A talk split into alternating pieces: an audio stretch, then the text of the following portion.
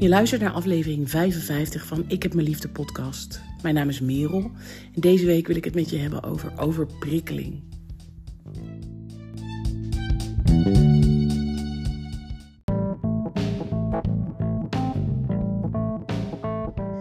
En voordat we de podcast induiken samen, wil ik reclame maken voor mijn boek Ik heb me lief, hoe ik mijn eigen reddingsboei werd.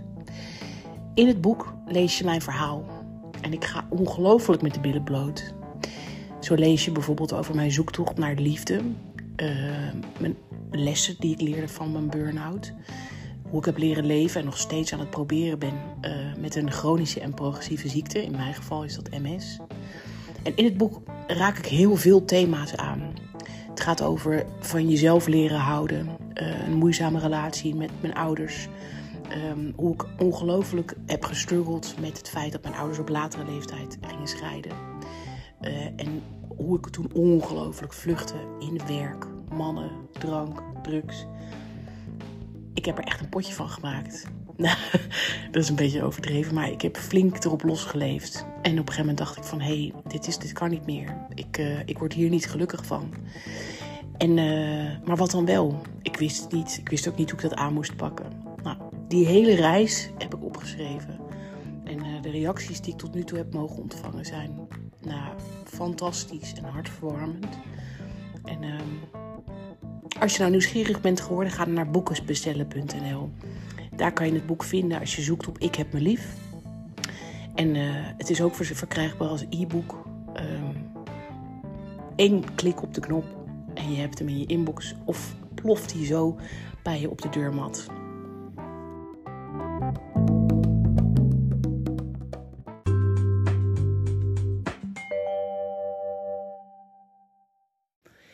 De aanleiding van deze podcast is iets heel leuks. Mijn neefje was gisteren jarig. Hij werd acht. En Frits en ik zijn daar een uurtje geweest.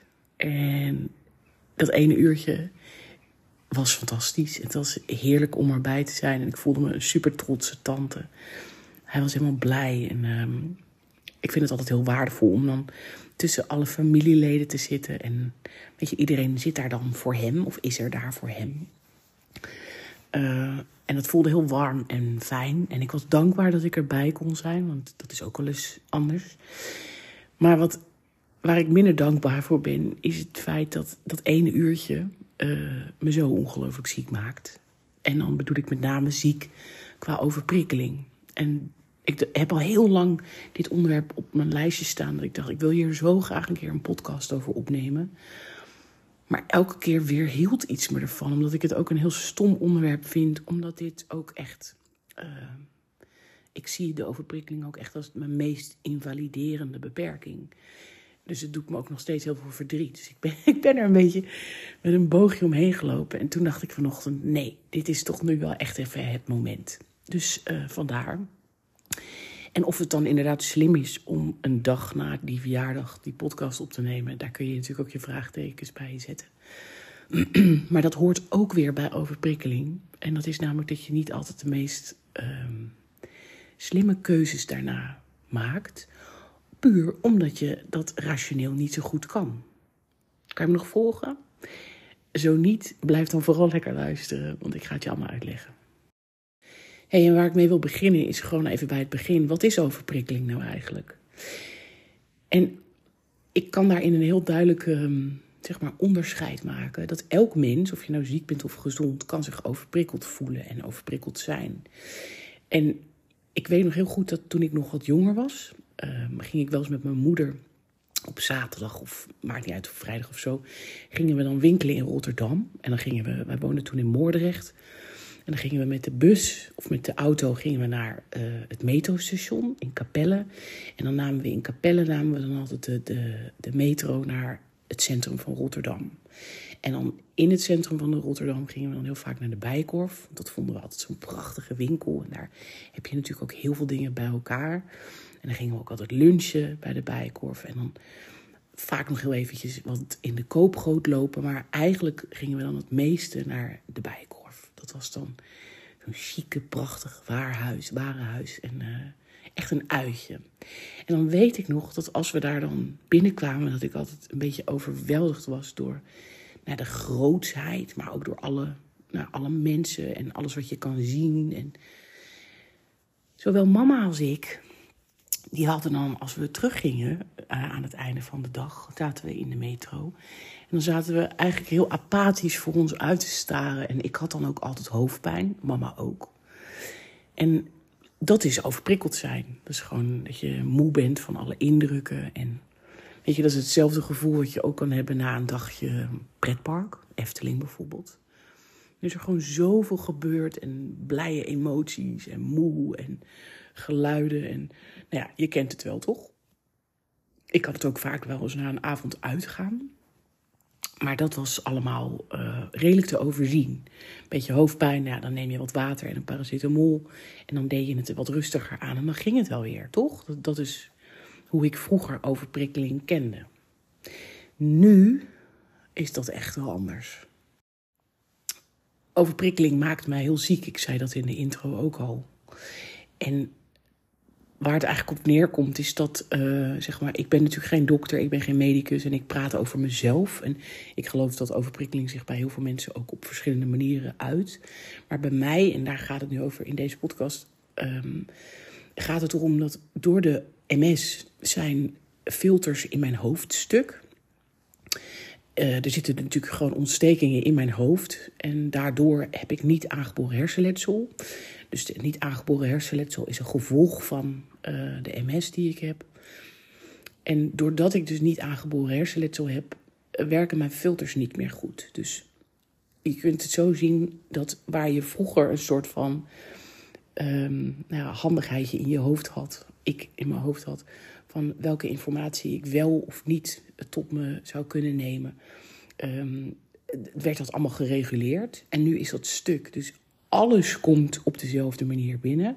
En dan heb ik het over geuren, geluiden, um, gevoel, dus aan mijn huid, sensorisch noem ik dat dan. Um, maar ook gewoon keiharde informatie, dus iets wat iemand vertelt of iets wat ik lees. Al dat soort dingen die komen natuurlijk gewoon doef elke dag in uh, uh, grote getalen op je af. En bij mij is de filterstuk waardoor alles heel veel kan voelen.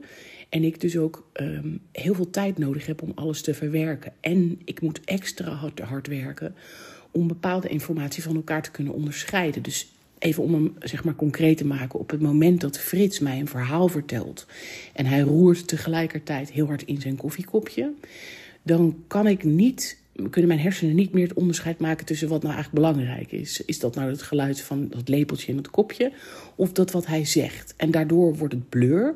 Dus ik hoor hem dan praten en ik hoor de geluiden van het koffiekopje, maar ik begrijp niet meer goed wat hij zegt. En als ik dat wel wil doen, dan moet ik me heel erg focussen op zijn stem en op zijn gezicht en op wat hij zegt. En dan zou het zomaar kunnen zijn dat hij na vijf minuten praten zijn verhaal heeft gedaan. En dat ik er dan de rest van de dag af lig, omdat dat al mijn energie heeft gekost om zijn informatie, zeg maar, tot me te nemen. Ik hoop dat het zo een beetje duidelijk is. Wie het nog beter kan uitleggen is uh, Marcia, Marcia Kamphuis. Ze heeft een prachtig boek geschreven. Dat heet Ik mis mij ook.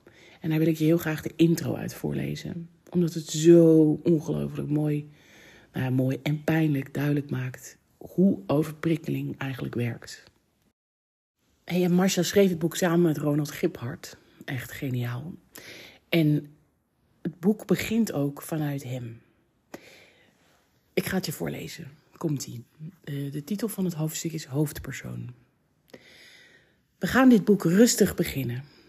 Niet te veel indrukken, niet te veel informatie, vooral niet te veel prikkels. Kalm aan. We hebben de tijd. De hoofdpersoon van dit boek en ik hebben vanmiddag afgesproken in een niet al te drukke uitspanning nabij het Centraal Station in Utrecht.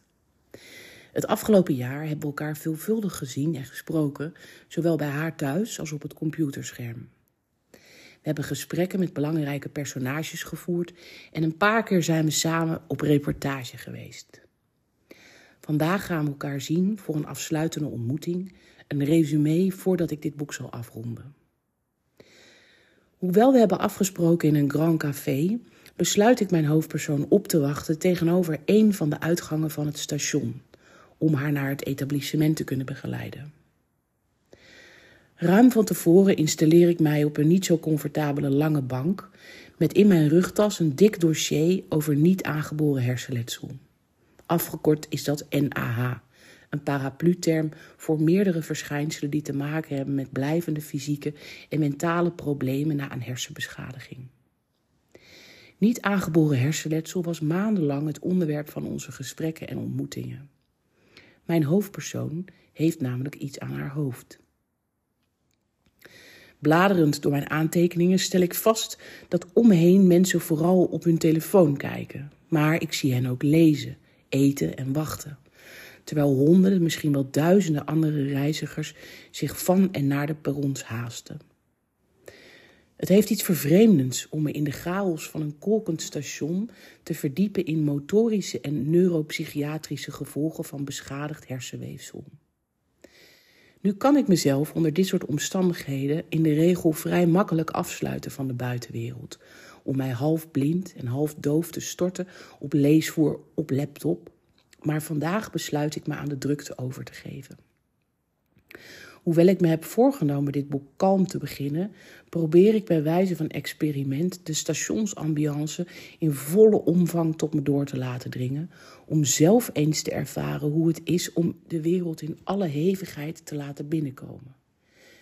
Het verbaast me hoe overweldigend deze gewaarwording is.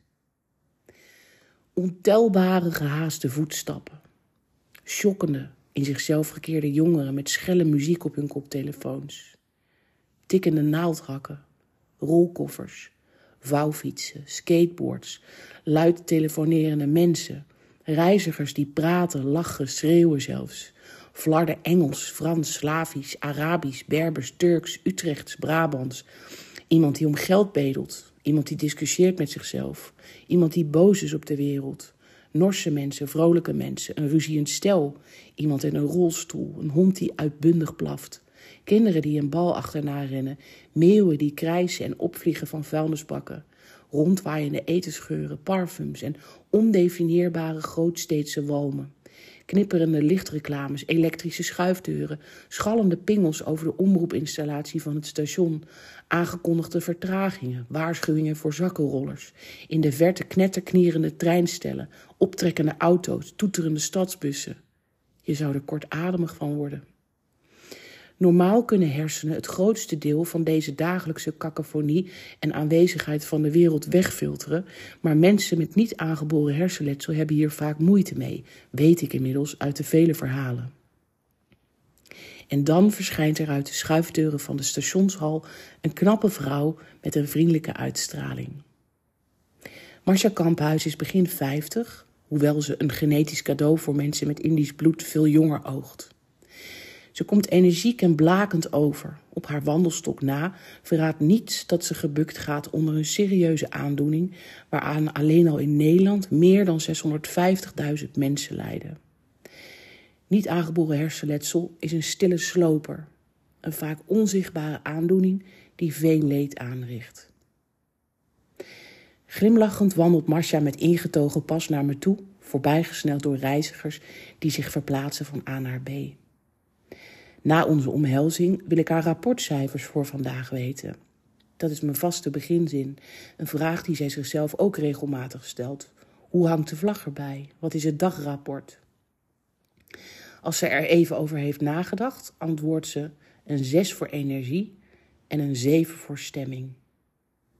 Dat klinkt voor buitenstaanders wellicht aan de magere kant, maar uit ervaring weet ik dat dit voor haar prima scores zijn. Mooi hè? Ik heb uh, de eerste keer toen ik dit boek las, heb ik die inleiding volgens mij twee of drie keer herlezen. Omdat het me zo raakte en dat het voor het eerst was dat ik zo spot on las wat ik eigenlijk elke dag meemaak. En uh, ik weet nog dat ik er echt geëmotioneerd door raakte. En ook tegen Frits zei en bijna smeekte van... oh, je moet dit boek ook echt lezen. Dit, dit gaat zoveel dingen ook voor jou weer duidelijk maken. Want het is toch vaak zo dat als een ander iemand het opschrijft... dat het toch weer anders is dan dat ik het vertel.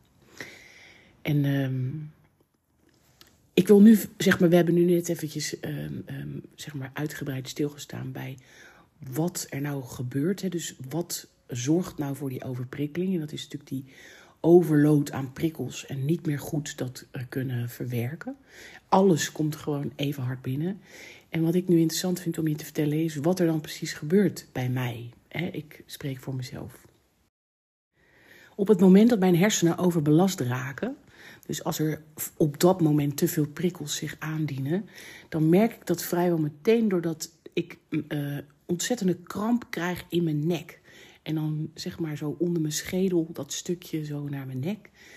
En dan weet ik al meteen nu, dat, dat heb ik natuurlijk ook moeten leren, van oh, even opletten, dit is te veel. Mijn hersenen zijn nu te hard, moeten ze werken om alles um, te verwerken en aan te kunnen.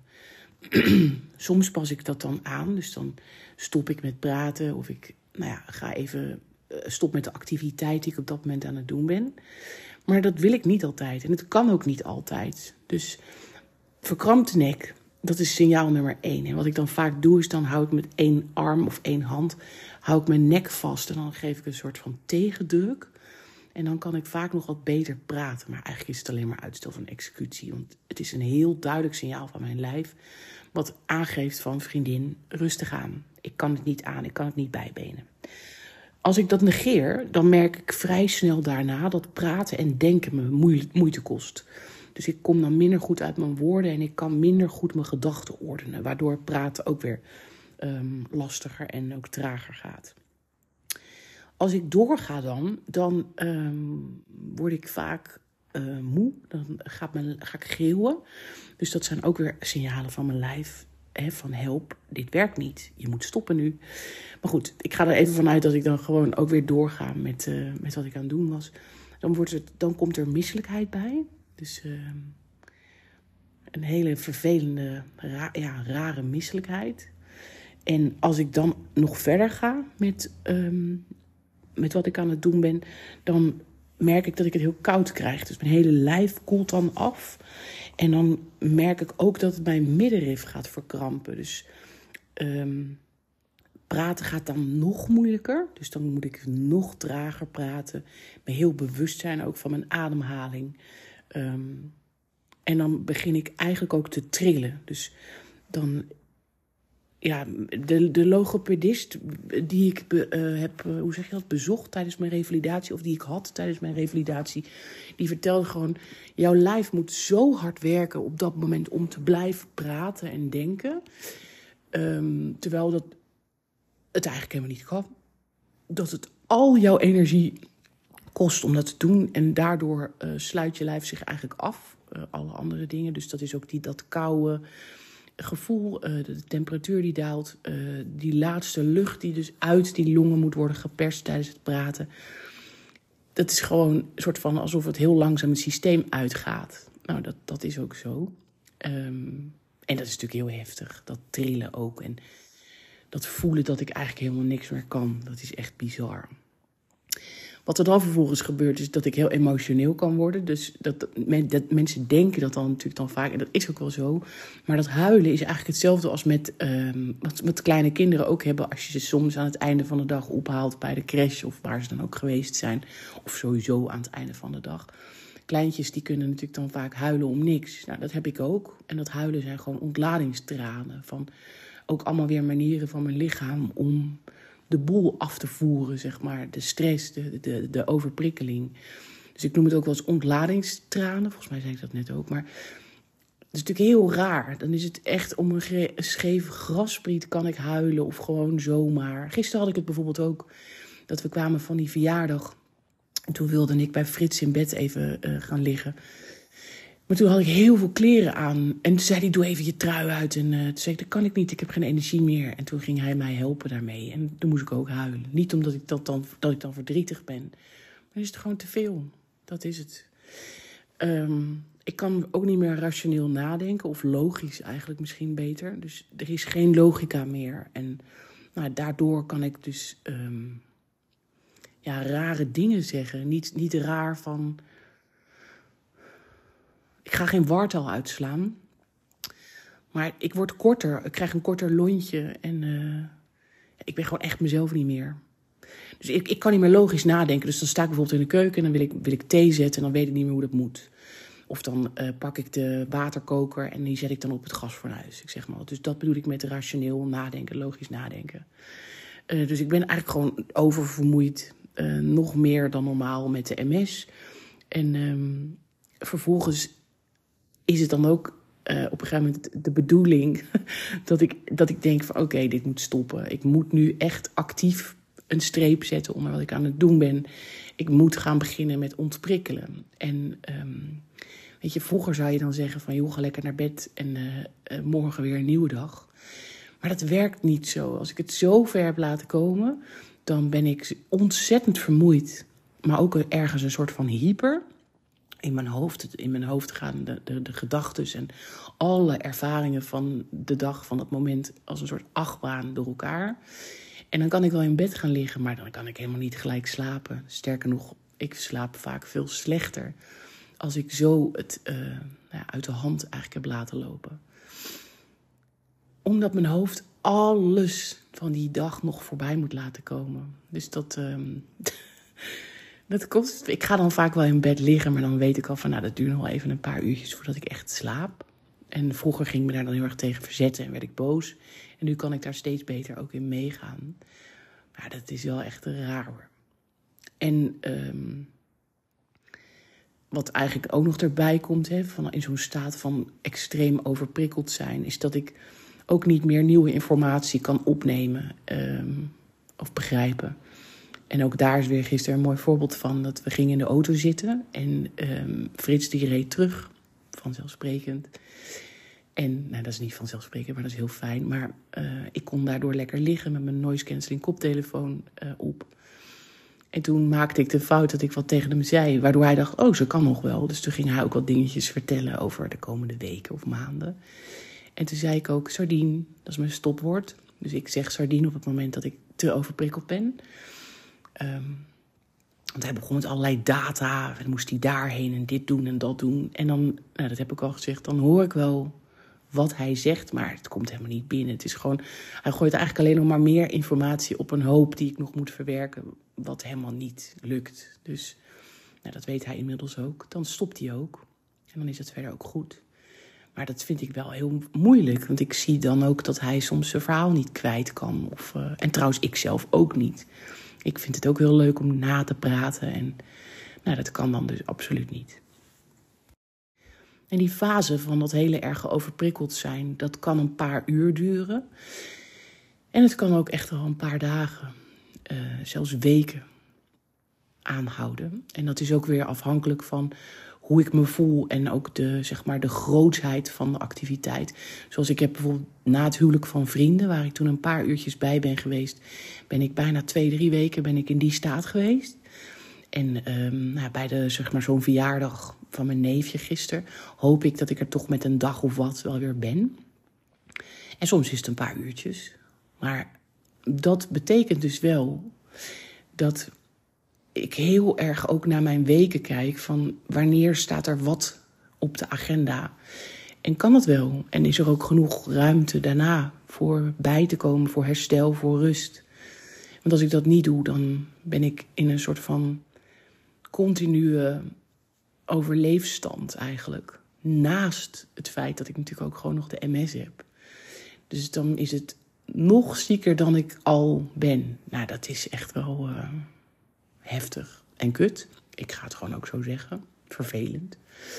Um, maar wat ik wel ook heb geleerd de afgelopen jaren is dat dit is wel wat het is. En als ik dit helemaal wil voorkomen, dan kan ik niks meer doen. Dan moet ik altijd binnen blijven en thuis. En ook dan hier heb ik natuurlijk gewoon mijn uitdaging. Want ik, heb een partner, ik doe hier ook dingen.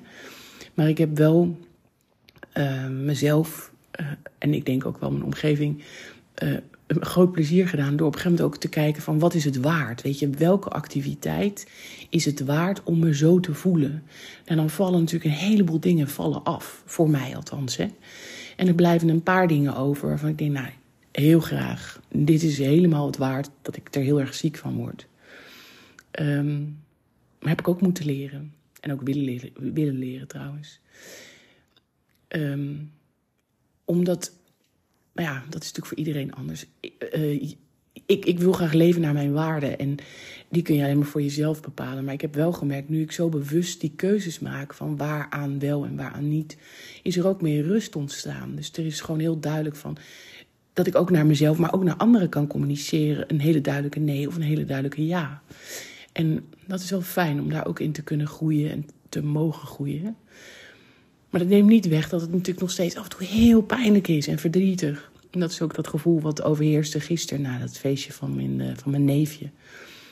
Van heel fijn dat ik erbij kon zijn, maar potverdikkie, wat is die rekening toch hoog? Nou ja, even daarover balen. En daarin uh, even in hangen. En dan vervolgens ook weer mezelf bij elkaar rapen. En gewoon weer adem in, adem uit en doorhobbelen. En dan gaan we een beetje richting het einde van de podcast. Ik kan hier volgens mij nog echt dagen over, dagen over praten. Omdat het ook zo groot is. En omdat het zo in mijn dag verweven is. Um, heb ik ook zoveel voorbeelden. Maar ik denk dat het handig is om nog eventjes gewoon een beetje op de hoofdlijnen te houden. Waar ik mee wil afsluiten is het stuk van wat kan je er nou tegen doen? Of kun je er überhaupt iets tegen doen? En die heb ik ondergedeeld in drie uh, themaatjes eigenlijk. Je hebt ook een stuk voorbereiding. Je hebt een activiteit zelf en dan heb je nog een stukje nazorg.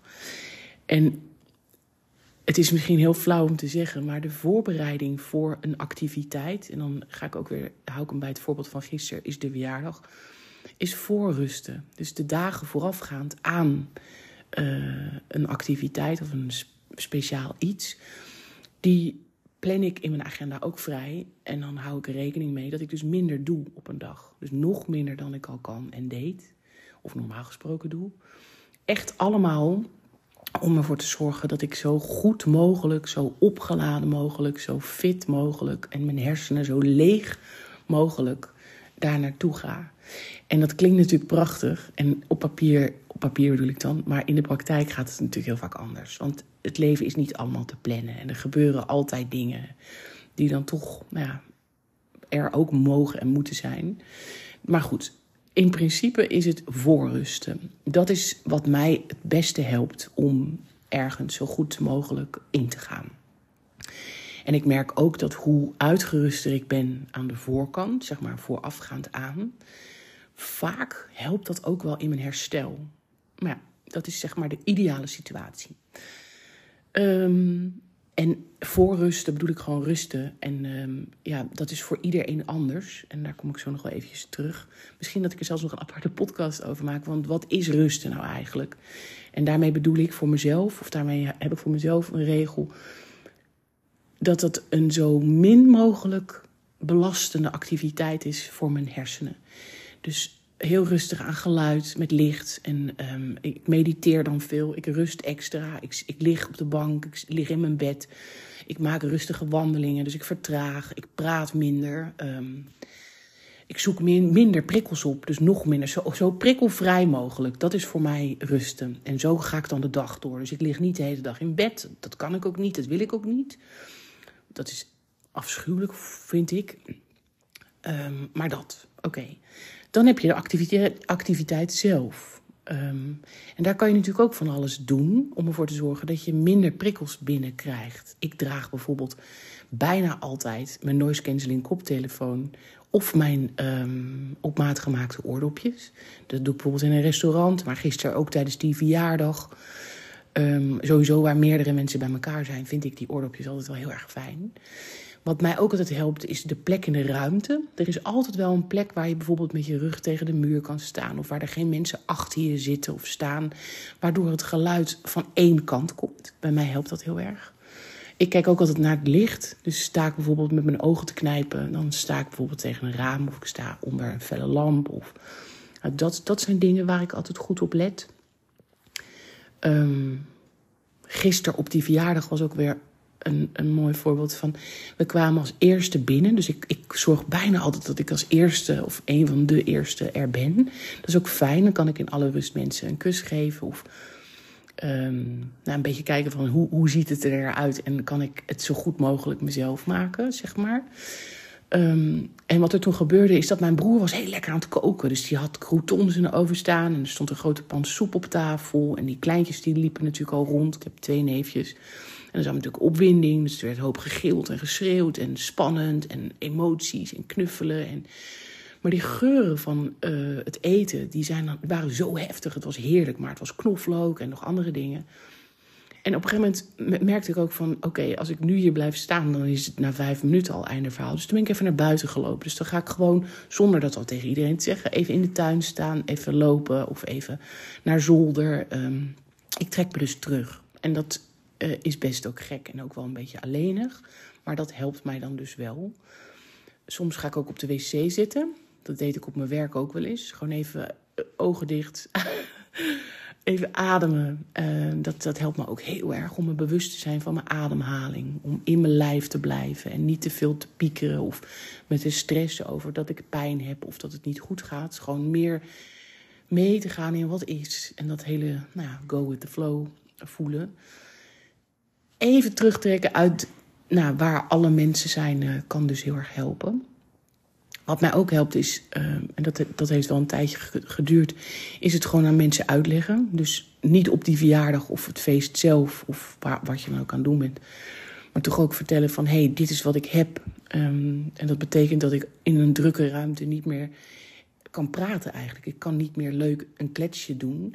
Dus ik geef je een knuffel en ik geef je een kus. En ik houd daar ook verder bij. En dat is natuurlijk best gek, want juist op dat soort uh, gezellige momenten gaan mensen natuurlijk met elkaar praten. En uh, ik niet. Uh, en sommige mensen vergeten het. En dat is niet erg. Maar dan ben ik ben er een meester in geworden om uh, terug te trekken uit een conversatie. maar ook dat kan af en toe zo verdrietig en ook weer alleen aanvoelen. Maar het, dat is wel uit zelfbehoud. Want op het moment dat ik het wel doe, dan voel ik gewoon tijdens dat gesprek, waar dan ook weer allemaal mensen om me heen staan en al die dingen gebeuren, voel ik gewoon dat mijn energie down the drain gaat. En als ik het dan een uur wil volhouden, dan, ja, dan kan het gewoon echt niet. Dus soms um, moet ik het ook echt afkappen van, hé, hey, ik vind het heel leuk om je te zien, maar ik merk dat ik dit nu niet kan. Ik ga even door. En soms, als ik dat niet meer kan zeggen, want dat gebeurt ook vaak genoeg, dan zeg ik: hé, hey, ik moet even naar de wc. En dan kom ik dus ook niet meer terug. Maar ja, dat is dus allemaal uit zelfbescherming. Wat ik ook doe, is mensen apart nemen. Dus gewoon even zeggen van, hé, hey, leuk om te kletsen, maar kom, we gaan even in de tuin staan. Of we gaan even daar naartoe, of we gaan even naar dat hoekje. Dus dat ik mensen zelf meeneem naar mijn plekje waar, het wel, uh, waar ik wel een beetje kan praten. En um, bijvoorbeeld ook thuis doen we dat veel. Dat als wij bijvoorbeeld mensen te eten krijgen, dan is dat vaak nu een stel. Ja, Bert, en waar we dan vroeger gewoon lekker door elkaar gingen tetteren, wat echt prima ging, um, kan dat nu niet meer. En ik merk ook dat Frits, die, die is er echt een meester in geworden. En uh, we spreken vaak met mensen af dat ze, als ze bij ons komen eten, gaan we lekker buiten in de mancave zitten. Is de open haard aan. Of in de zomer zitten we gewoon lekker in de tuin. En Frits die neemt dan vaak één van de twee apart. En dan ontstaat er gewoon een twee-tweetje. Dus dan zitten we gewoon lekker apart te praten. En als het wel met z'n vieren is, dan merk ik ook dat we steeds beter de gesprekken zo kunnen leiden. Dat we gewoon allemaal omste beurt aan het woord zijn. In plaats van dat je twee-twee praat. Of dat je door elkaar praat, zo moet ik het zeggen. En nu geef ik natuurlijk hele specifieke voorbeelden, maar je kan daar natuurlijk zelf ook een draai aan geven. Maar ik merk dat dat mij wel heel veel helpt. Um, en dus ook ervoor zorgt dat als dat lukt, dat ik het langer kan volhouden. En dat ik ook meer mee kan doen. En dat ik ook deel kan nemen echt aan, aan de avond en, of de middag uh, en de gesprekken. En dat voelt zo fijn. Want zoals gisteren bij zo'n verjaardag, dat ik dat dan niet kan. Daar stel ik me helemaal op in, dat weet ik. Maar dan toch kan ik me heel verdrietig en eenzaam voelen als ik dan in mijn eentje zo tussen die mensen zit die dat wel allemaal kunnen. Dat blijft pijnlijk. Dus dat is gewoon niet handig. Of niet wel handig, maar niet leuk. Maar ja, dat is de consequentie van er op die dag bij zijn. En dat brengt me ook gelijk naar het volgende. Wat je natuurlijk ook kan doen, is gewoon zeggen van... ik kan dit niet meer, het lukt me niet... of het kost me te veel kruim om erbij aanwezig te zijn. Ik kom een keertje in mijn eentje of ik wil een keertje alleen afspreken... Nou, dan geef je natuurlijk er sowieso een hele optimale draai aan, omdat ik het dan helemaal naar mijn hand kan zetten. En dan kun je natuurlijk wel veel meer met mensen ook de diepte in en praten. Alleen mis ik dan wel, of mis je dan wel die hele sociale, feestelijke dagen. Nou, dat vind ik dus echt heel jammer. Dus daarom kies ik ervoor bij mijn neefjes verjaardagen om daar wel echt gewoon fysiek bij aanwezig te zijn. Ik vind dat zo bijzonder en mooi. Dus dat, nou, dat doe ik dus graag. En mijn laatste wat ik ja, tip vind ik een beetje raar om te zeggen. Maar wat ik mezelf ook heb aangeleerd, is door tijdens die activiteiten en uh, op het moment zelf um, zo lief mogelijk ook voor mezelf te zijn. Dat in het begin uh, vond ik er van alles van. En dan had ik het idee dat ik faalde. En vond ik mezelf heel zielig. En ook heel, nou ja, niet dom, maar ik, ik baalde van mijn lichaam. En ik was boos op de ziekte. En nou, heel veel van dat soort gedachten. Um, en ik merk, heb geleerd dat dat helemaal niks helpt. Dus het heeft helemaal geen zin om mezelf dan zo toe te spreken. Het is gewoon heel stom en verdrietig. En dan is het heel fijn als ik dan ook lief ben voor mezelf. En ook gewoon toegeef, het mag er zijn. Ook dat verdrietige gevoel. En zelfs na al die jaren ziek zijn, dat had ik gisteren ook een beetje. Dat ik, ik postte er ook iets over op Instagram. En dan is er wel een deel van mij wat dan denkt: ja, Jezus, dat weet je nu toch wel. Moet je daar nu weer, moet je daar nu weer aandacht aan geven?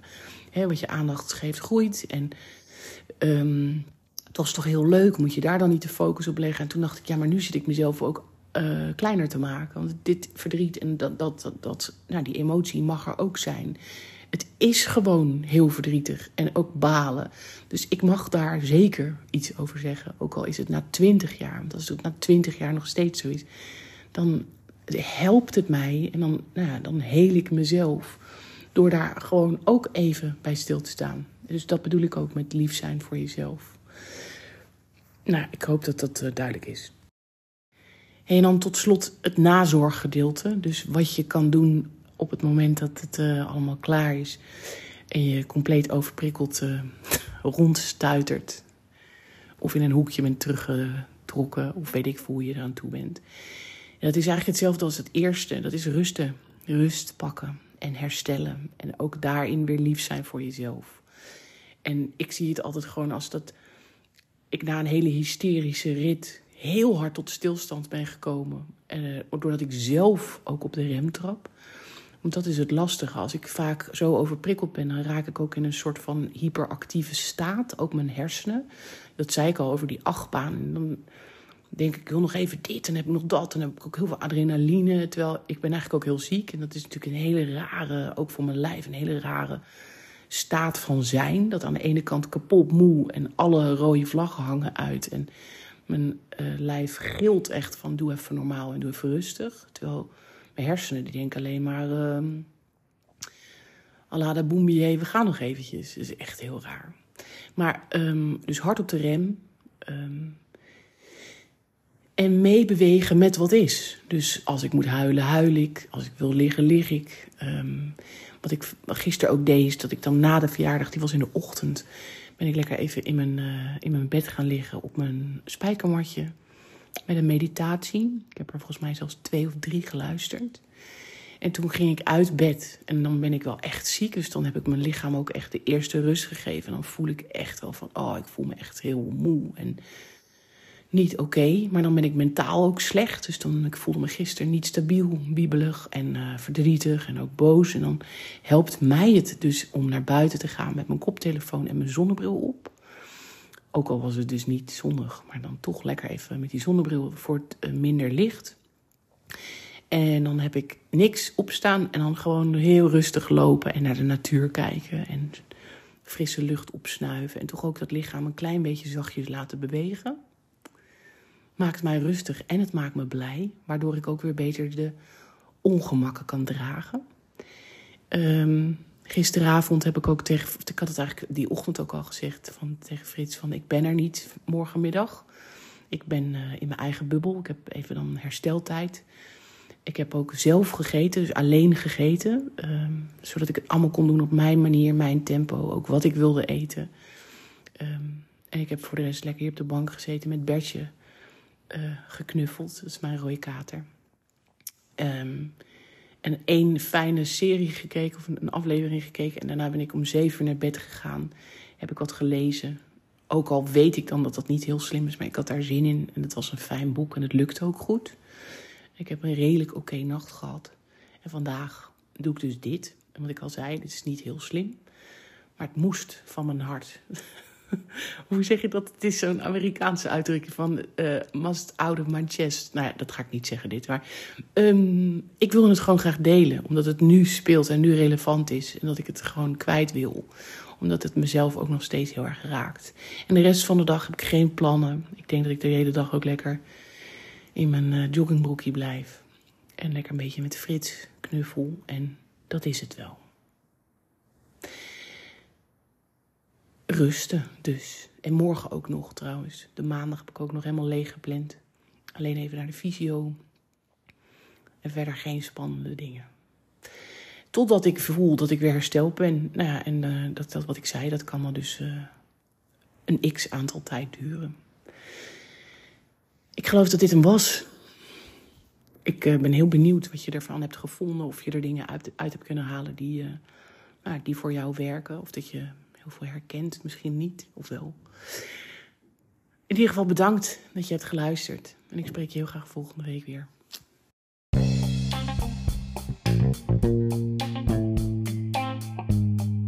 Vond je deze podcast nou leuk? Dan help je mij onwijs door hem te liken.